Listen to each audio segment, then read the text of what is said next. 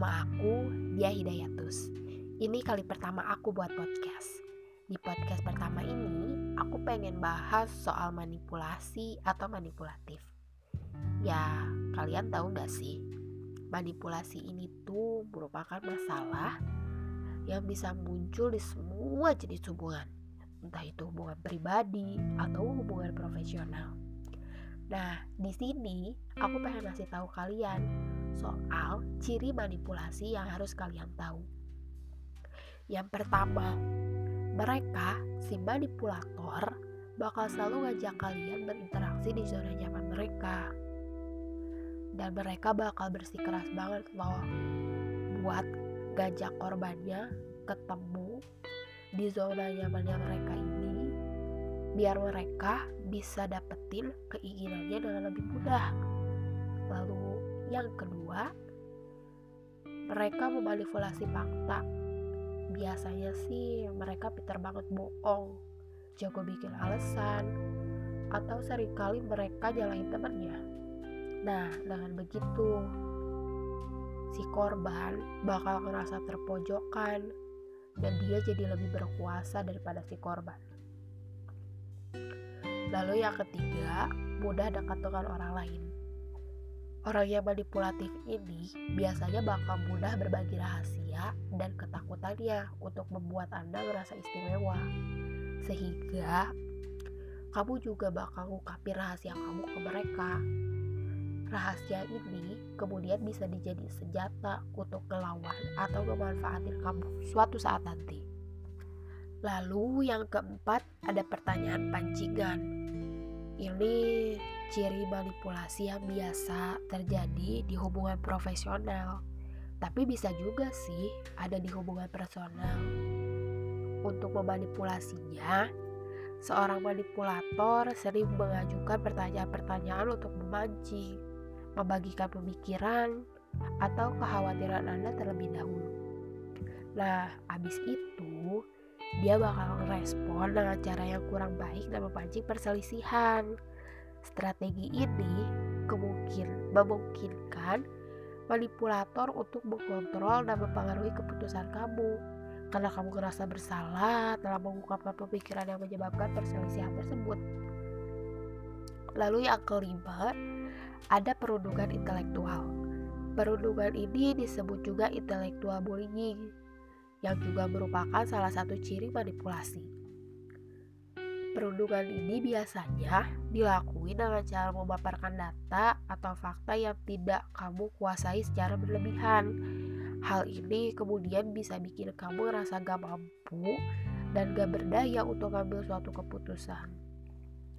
Lalu yang keenam, ada membuat lelucon yang menyinggung.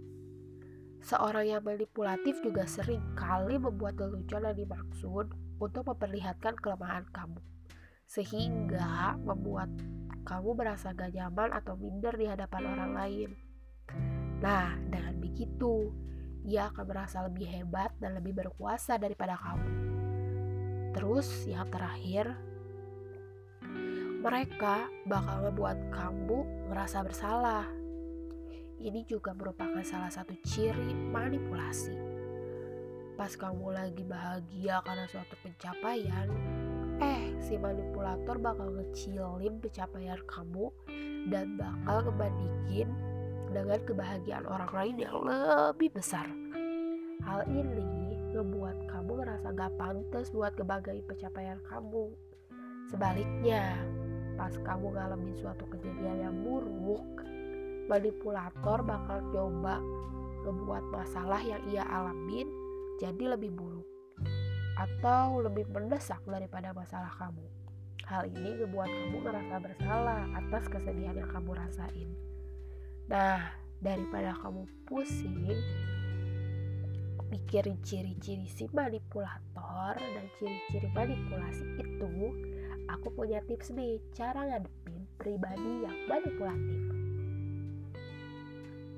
Pas kamu udah sadar dan mengidentifikasi ciri manipulatif, ada beberapa cara yang bisa kamu lakuin untuk kurangin dampak emosional dari manipulasi tersebut. Yang pertama, cara ngadepinnya itu kamu bisa sampein pendapat kamu dengan jelas, tegas, langsung, dan spesifik. Kalau kamu perlu minta maaf jika kamu salah, minta maaf aja. Tapi kamu gak perlu berlebihan, secukupnya aja ya. Yang kedua, jangan mikirin terlalu dalam tentang apa yang dikatakan manipulator. Enjoy aja.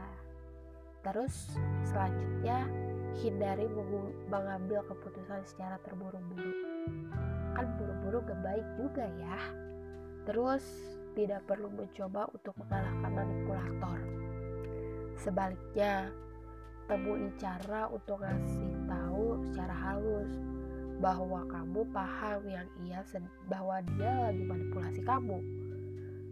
Lalu hindari interaksi yang terlalu banyak dengan manipulator.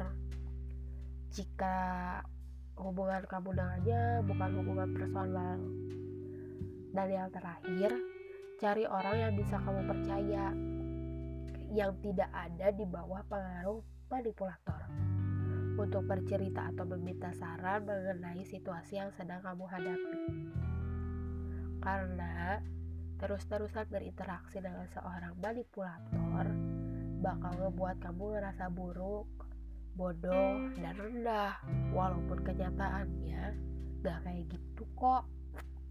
Kamu bisa ngeyakinin hal akibat manipulasinya bukan hal yang gak mungkin. Jika lama-kelamaan kamu bakal jatuh ke dalam depresi gara-gara si manipulator ini jadi jika kamu memilih masalah dengan orang yang suka memanipulasi atau mulai terganggu dengan tindakan manipulatifnya maupun terjebak dalam hubungan gaslighting, cobalah untuk jaga jarak. Jika tidak mungkin buat jaga jarak atau mungkin merasa tertekan akibat tindakan mereka, tindakan salah satunya eh, nggak uh, ada salahnya juga loh kamu berkonsultasi ke psikolog.